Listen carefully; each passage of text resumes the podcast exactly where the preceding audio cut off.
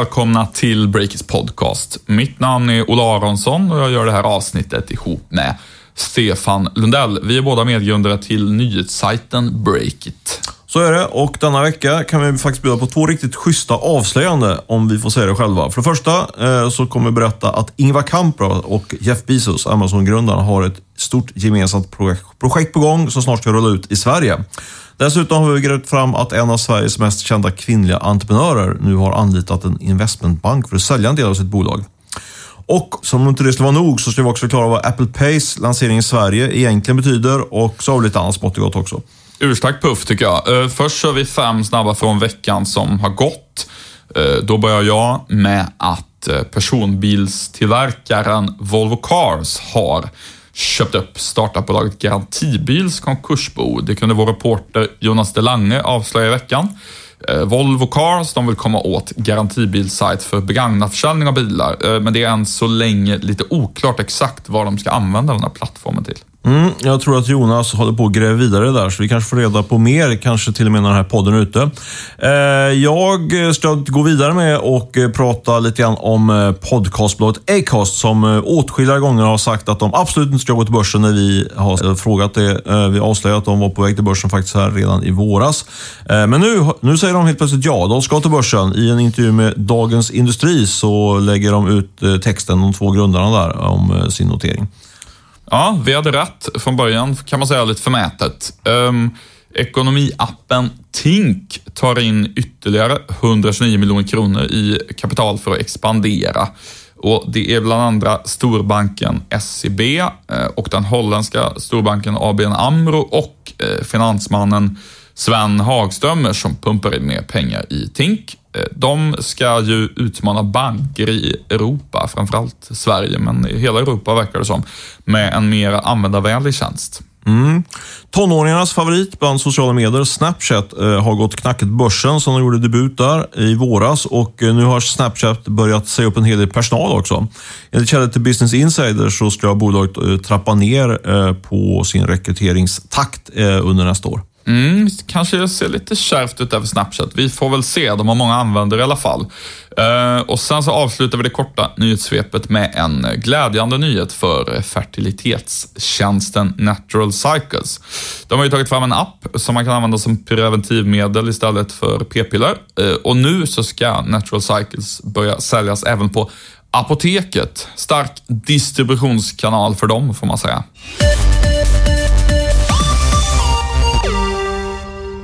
Ni som följer oss här varje vecka vet att eh, hostingföretaget Rackfish är poddens huvudsponsor.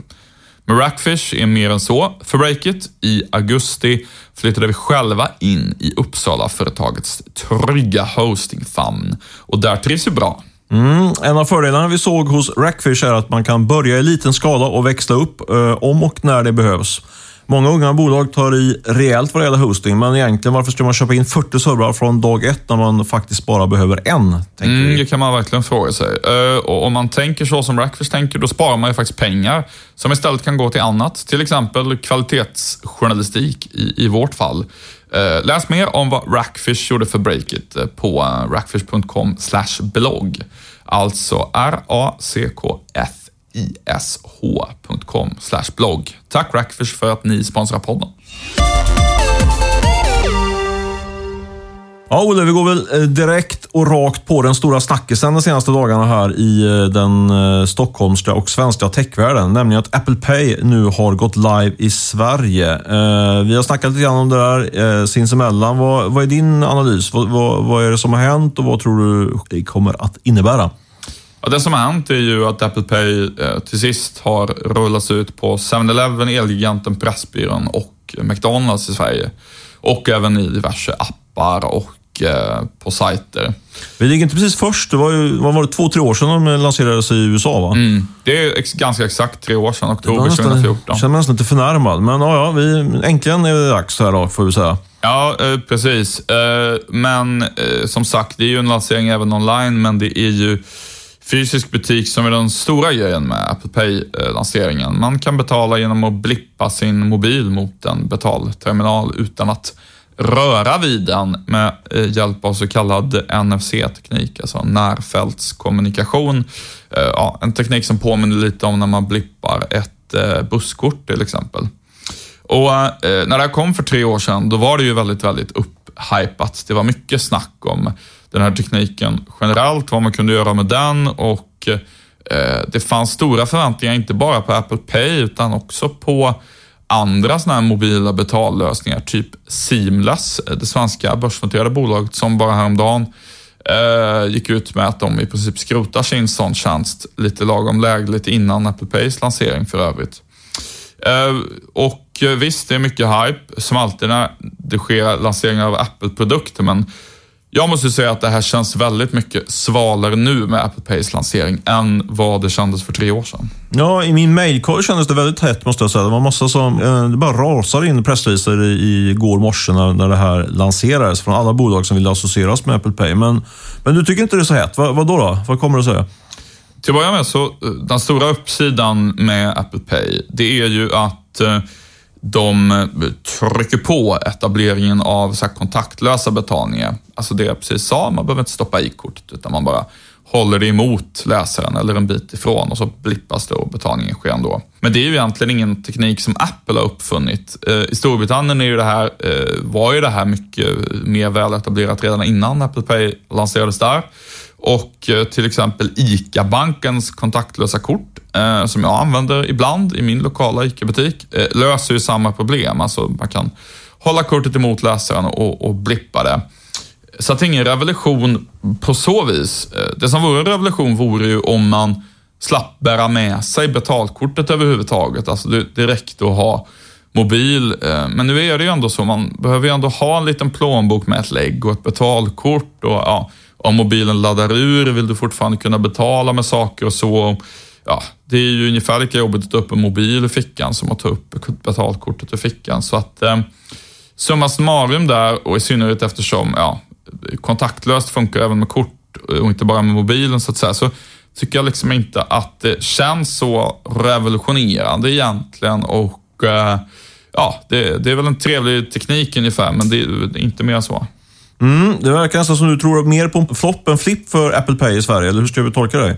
Ah, inte flopp direkt, men mer bara svalt. Att det, det, det är en lansering som, eh, ja, det känns liksom inte revolutionerande helt enkelt. Eh, man ska komma ihåg också att när Apple Pay lanserades i USA för tre år sedan, då hade vi en ganska livlig diskussion om huruvida Apple, Google, Facebook skulle bli framtidens banker. Alltså att de i bredare mening skulle bli eh, finansiella företag. Nu känns det inte alls som att den diskussionen är så het. Det har inte hänt. Eh, Facebook skulle ju lansera betalning i Messenger på bred front och så. Det känns liksom inte heller som att det har materialiserats. Så det känns som att vi har nått någon sorts konsensus om att det där ändå ligger lite för långt från deras kärnverksamheter och att, eh, ja, Apple kanske mest kommer att investera mer i innehåll, typ TV och så, snarare än att satsa på att bli framtidens bank. Ehm, däremot tror jag säkert att en del kommer att vilja använda Apple Pay. Det är väl en cool och smidig lösning. Eh, så där, eh, Sverige har ju bara eh, enligt iSettle då som har undersökt det där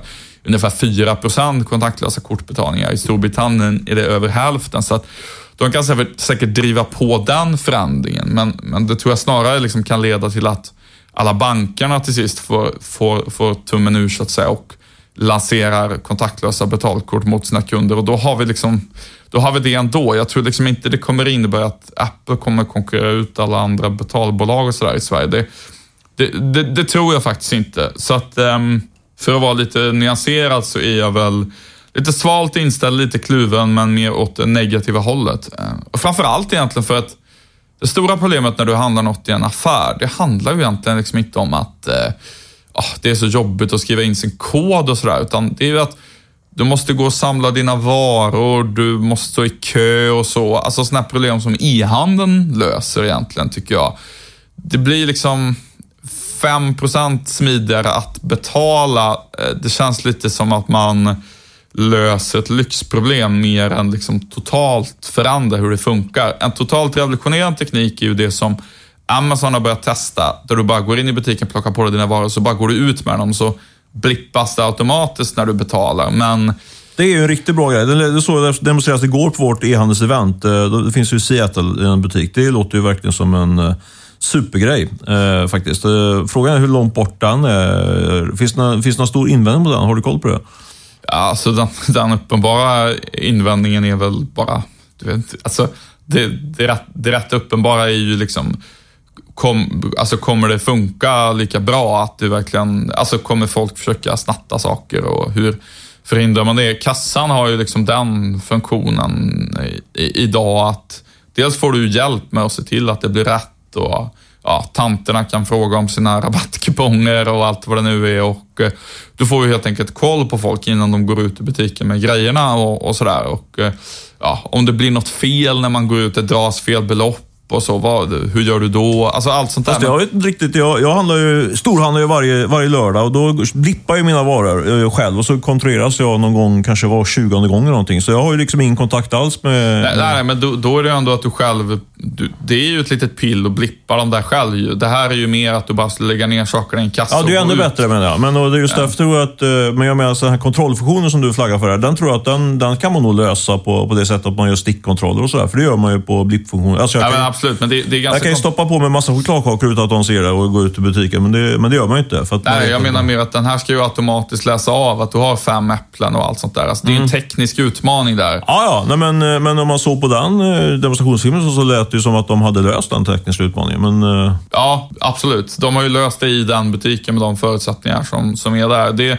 jag tror att det är rätt utmanande att rulla ut det där i mängder av butiker runt om i världen. Det tar rätt lång tid att implementera det, om man säger så. Okej, ja, Men, vi får eh, se. Jag tror att det, är en, det där låter ju som en riktigt... eh, Det är ju verkligen något som revolutionerar, måste man säga. nej, men du har ju helt rätt. Så, så är det ju verkligen, men det finns ju potentiella fel där. Jag, jag, jag kan säga att jag har ju också sett samma instruktionsvideos på Amazons Amazons lösning och det ser ju fantastiskt ut. Man tänker ju direkt det här kommer revolutionera hela handeln, men jag misstänker att det finns eh, potentiella tekniska problem när man ska implementera det där i mängder av butiker runt om i världen, om man säger så.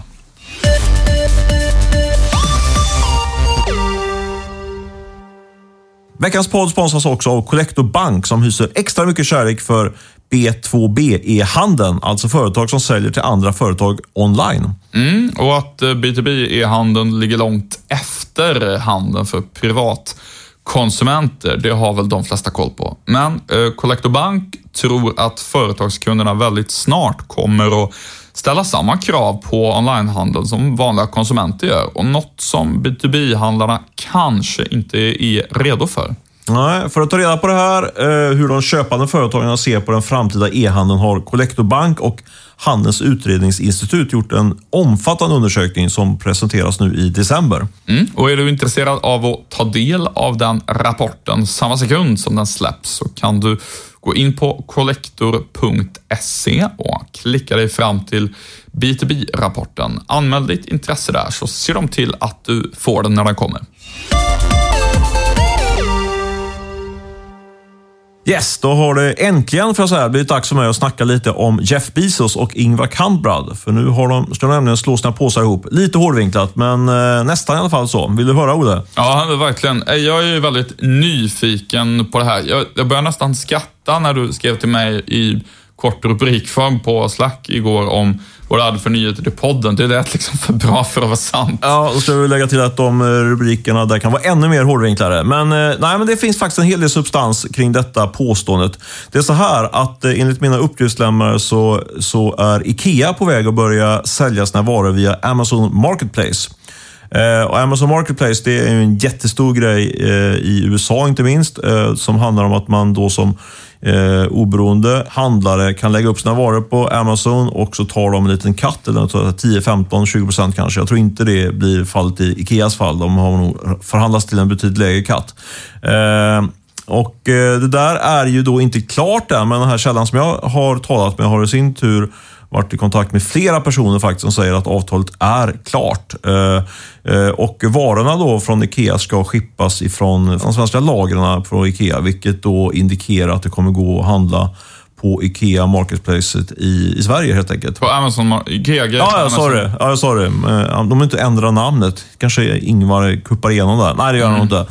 Eh, Och det där är ju faktiskt en riktigt stor sak. Eh, Ikea har ju, måste man säga, legat efter rejält på, på online och i näthandel. Eh, Men nu verkar de steppa upp rejält. De köpte ju här för någon vecka sedan eller två eh, det, det amerikanska bolaget TaskRabbit, som är någon form av plocka ihop dina grejer eh, förmedlingstjänst kan man väl säga. Ja, men precis. Den ska bli det nu i alla fall i Ikeas regi. Eh, du, du har ju samtidigt fångat upp en hel del röster som är kritiska mot att Ikea ska börja sälja på Amazon Marketplace. Ja, men precis. Eh, det är ju inte helt eh, okontroversiellt eh, utifrån ett IKEA-perspektiv kan man säga, alltså rent strategiskt. Alltså i, första läget så kommer det här vara en boost för IKEA. De kommer sälja ännu mer möbler och andra prylar. Eh, men på lite sikt tror jag och de jag har pratat med att det här kan vara ett strategiskt eh, misstag faktiskt från Ikeas sida.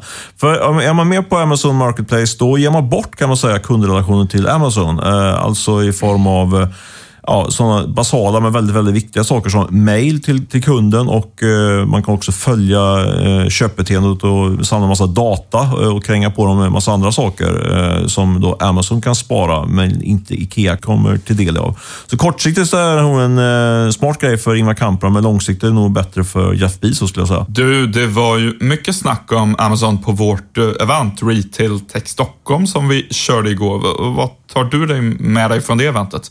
Ja, först måste jag väl ändå vara lite sådär eh, navelskådande och, eh, och känna mig väldigt nöjd. Eh, det var ju vårt, första riktigt stora egna event. Vi har ju kört en del tillsammans med andra partners, vilket vi tycker är kul. Men det här var, var första gången vi, så att säga, om man får lite krass, kapitaliserar på vår egen målgrupp 100, hu- 100% fullt ut. Och det blev en succé. Vi hade ungefär 200 personer här på Fotografiska museet i Stockholm och Eh, det visar väl eh, lite grann Breakits eh, eh, genomslag, men jag tror framförallt då kanske att det visar på hur hett e-handeln är just nu. Både eh, för de som befinner sig mer i den traditionella handeln, men då såklart också inom e-handeln. Men också en hel del eh, finans och investmentmänniskor var där på plats. Tyckte det var kul. Mer konkret, vad, vad pratades det om som du tyckte var mest spännande? Jag är ju väldigt eh, fascinerad och intresserad just nu utav Amazons eh, förmodade intåg i Sverige nu. Och Det där bekräftas ju från scen, bland annat från eh, Niklas Storåker som, sa, som nu gör, kör Price Run, tidigare varit chef för Avanza.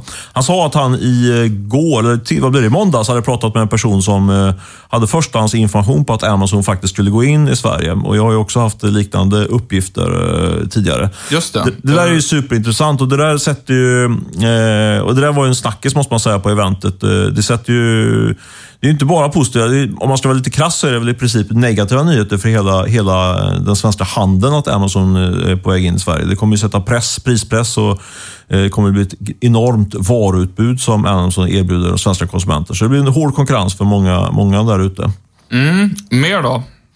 Ja, eh, sen eh, om vi tycker jag det är intressant också med... Eh, vi försökte ju gå ganska mycket på djupet också i, under den här konferensen. Vi pratade en hel del om logistik. Eh, the last mile som det kallas. Eh, den sista kilometern som man föreslår att man skulle branda om det namnet till. Jag vet inte varför man ska prata engelska egentligen i- de här sammanhangen. Det var en rätt rolig, rolig invändning vi fick från eh, en person i publiken. Men det visar, jag tycker eventet visar liksom att det handlar om ganska mycket hardcore gnet för att få fart på, få, på sin affär. Eh, det illustreras inte minst av Kitchen Times VD Joel Falk som hade en väldigt bra dragning eh, där han eh, pratade om, hyllade idén med robotlager och hur det kunde lyfta hans affär. Han berättade att de investerar 40 miljoner kronor i ett robotlager och räknar hem den investeringen på tre år. Det är ganska fascinerande. Så det var ett litet axplock, men nästa gång, eh, om ni vill ha en full in, inblick så ska ni läsa de artiklarna vi skrev på nätet om det, men också såklart komma dyka upp där nästa år. Det kanske kan till och med så att vi kör det här redan till... Eh, nej, det gör vi inte. Nu är det bara en månad kvar på året, eller en och en halv. Men eh, vi kanske börjar, kör det redan till våren. Vi får se. Det var en sån succé det här.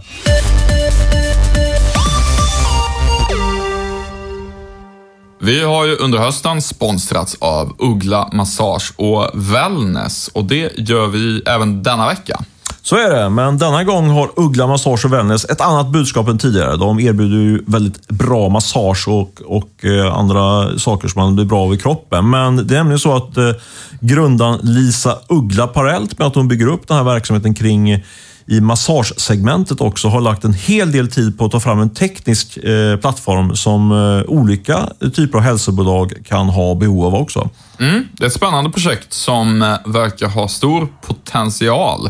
Lisas eget bolag använder plattformen idag, men tanken är att eh, licensiera ut tekniken till andra aktörer som behöver hjälp med att effektivisera sina bokningssystem. Mm, jag fick faktiskt titta på Lisas pitchdeck här eh, igår kväll. Det var väldigt spännande. Och Det är viktigt att poängtera att det handlar alltså inte bara om andra massagebolag som kan använda sig av den här, teknik, eller den här plattformen, utan också entreprenörer utanför då massage och wellnessbranschen, både i Sverige och internationellt, som, eh, som kan ha nytta av den här eh, plattformen och licensen. Och Lisa har hittills finansierat utvecklingsarbetet med hjälp av Vinnova och eget kapital. Men nu finns det en chans att eh, köpa in sig där faktiskt. Ja, precis. Lisa Uggla söker nu aktivt en affärsängel som vill investera helst både kapital och kunskap i det här projektet. Mm. Hör av dig direkt till Lisa Uggla om det låter intressant. Och Lisa når du eh, enklast och snabbast på lisa.ugglamassage.se. Alltså lisa.ugglamassage.se. Då har du Stefan en eh, riktigt bra nyhet om Nordens största bloggare och även eh, e-handelsentreprenör, även om hon inte är störst där i Norden vad gäller just det. Isabella Lövengrip, berätta, vad har du grävt fram där? Mm. Ja, men jag tycker det är viktigt, precis som du påpekar där i din lilla introduktion av den här nyheten, att eh, Isabella Löwengrip är kanske för den stora massan eh, mest känd som Blondinbella och eh, en väldigt stor bloggare, men hon har ju verkligen eh, eh, gått vidare från den plattformen som hon skapat eh, på sin blogg och blivit en riktigt, eh, en riktigt framstående entreprenör, får man väl säga. Eh, hon, och det hon gör det genom att kapitalisera på sin, sin eh, bloggplattform. Eh, där når hon ju ungefär en och en halv miljon läsare i veckan enligt egen utsago. Det stämmer väl säkert. Eh, men hon är ju då eh, i högsta grad entreprenör, eller som jag sagt mediehus och till skillnad från många andra mediehus så har hon hittat en väldigt spännande intäktsmodell som inte bara bygger på annonser utan hon eh, använder den här eh, den stora målgruppen och attraktiva målgruppen av framförallt kvinnor, typ 30 plus någonstans där, 25, 30, 40 år är de väl ungefär som följer henne. Eh, och försöker hitta olika bolag som investerar i och som, som hon då sen marknadsför mot den här målgruppen med tro, med sin egen trovärdighet. Då. Ja, precis. Och det gör hon ju i ja, Lövengrip Care and Color som säljer mycket skönhetsprodukter e-handel lite förenklat, eh, som hon marknadsför då bland annat via sina egna kanaler. Mm. Är... Det, det, kan man väl säga att det skiljer sig också lite grann från, från det här att hon tar små eh, andelar i andra startups. Det här har hon ju då byggt upp helt själv tillsammans med Pingis Hadenius. Och det är, för att komma fram till min nyhet, det är där som det händer saker nu. Eh, det, det Löwengrip Karen Collar, eller LCC, har ju växt kraftigt den senaste, den sista sen de drog igång. Säljer både e-handel och via apotek. Och eh, nu ska de gasa upp den där, den där eh, expansionen eh, internationellt och har anlitat investmentbanken Carnegie för att ta in en minoritetsägare i LCC. Eh, och eh, Isabella Löwengrip bekräftar i samtal med mig den här uppgiften eh, och säger att vi ska sälja då om de hittar rätt partner och till rätt värdering såklart också. Och vad är rätt värdering då? Ja, det kan man alltid tvista om, men om man tittar på hur mycket bolaget omsätter idag, vinstmarginal och, och tillväxten. Jag ska inte tråka ut er med alla de siffrorna, men jag ska göra, göra det enkelt för er. Jag har räknat på detta och ni kommer kunna läsa om det i en artikel, men om jag ska kontrollera det så kan man värdera eh, hennes eh, LCC till minst en kvarts miljard, då, kanske ännu mer.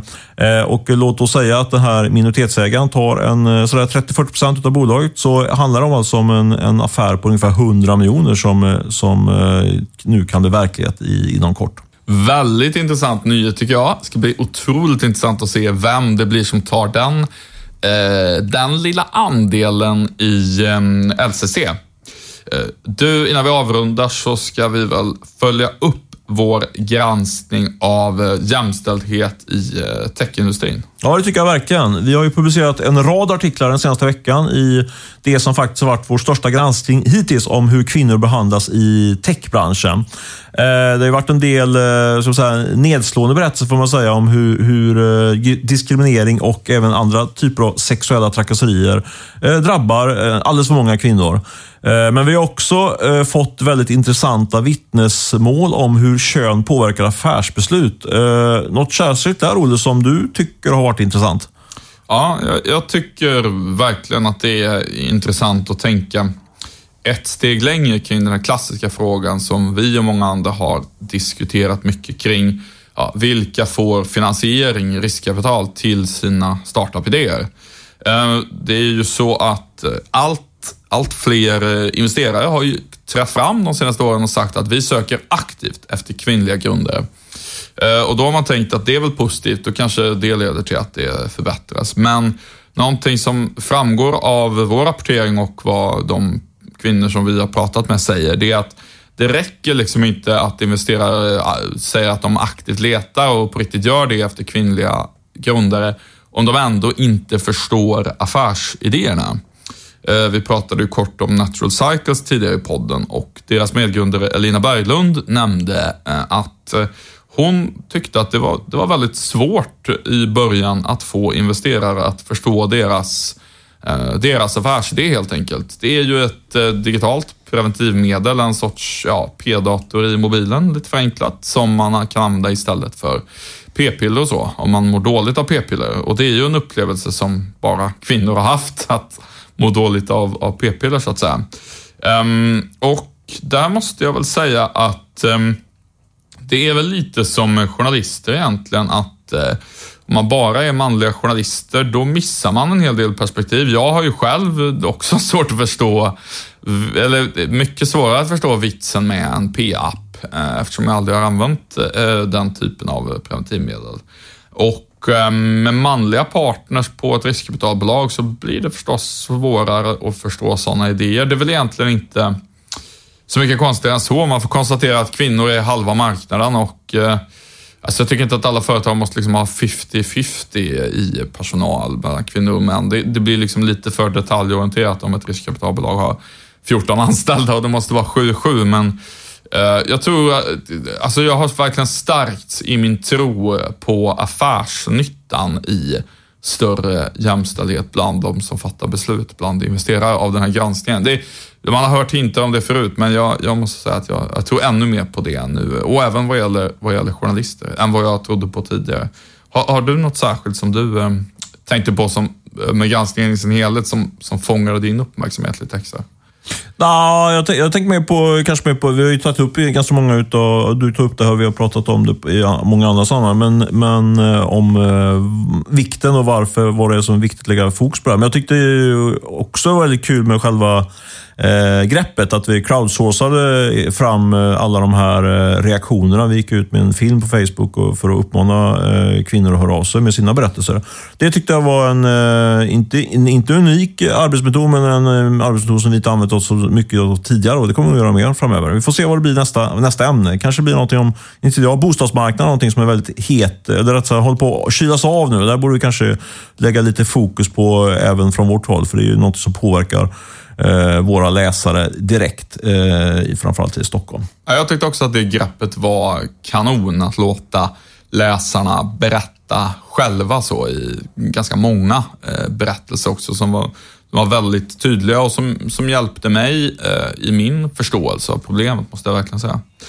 Du, vi ska runda av podden där nu. Um, vi tackar Beppo ljudproduktion som klippte och eh, spelade in.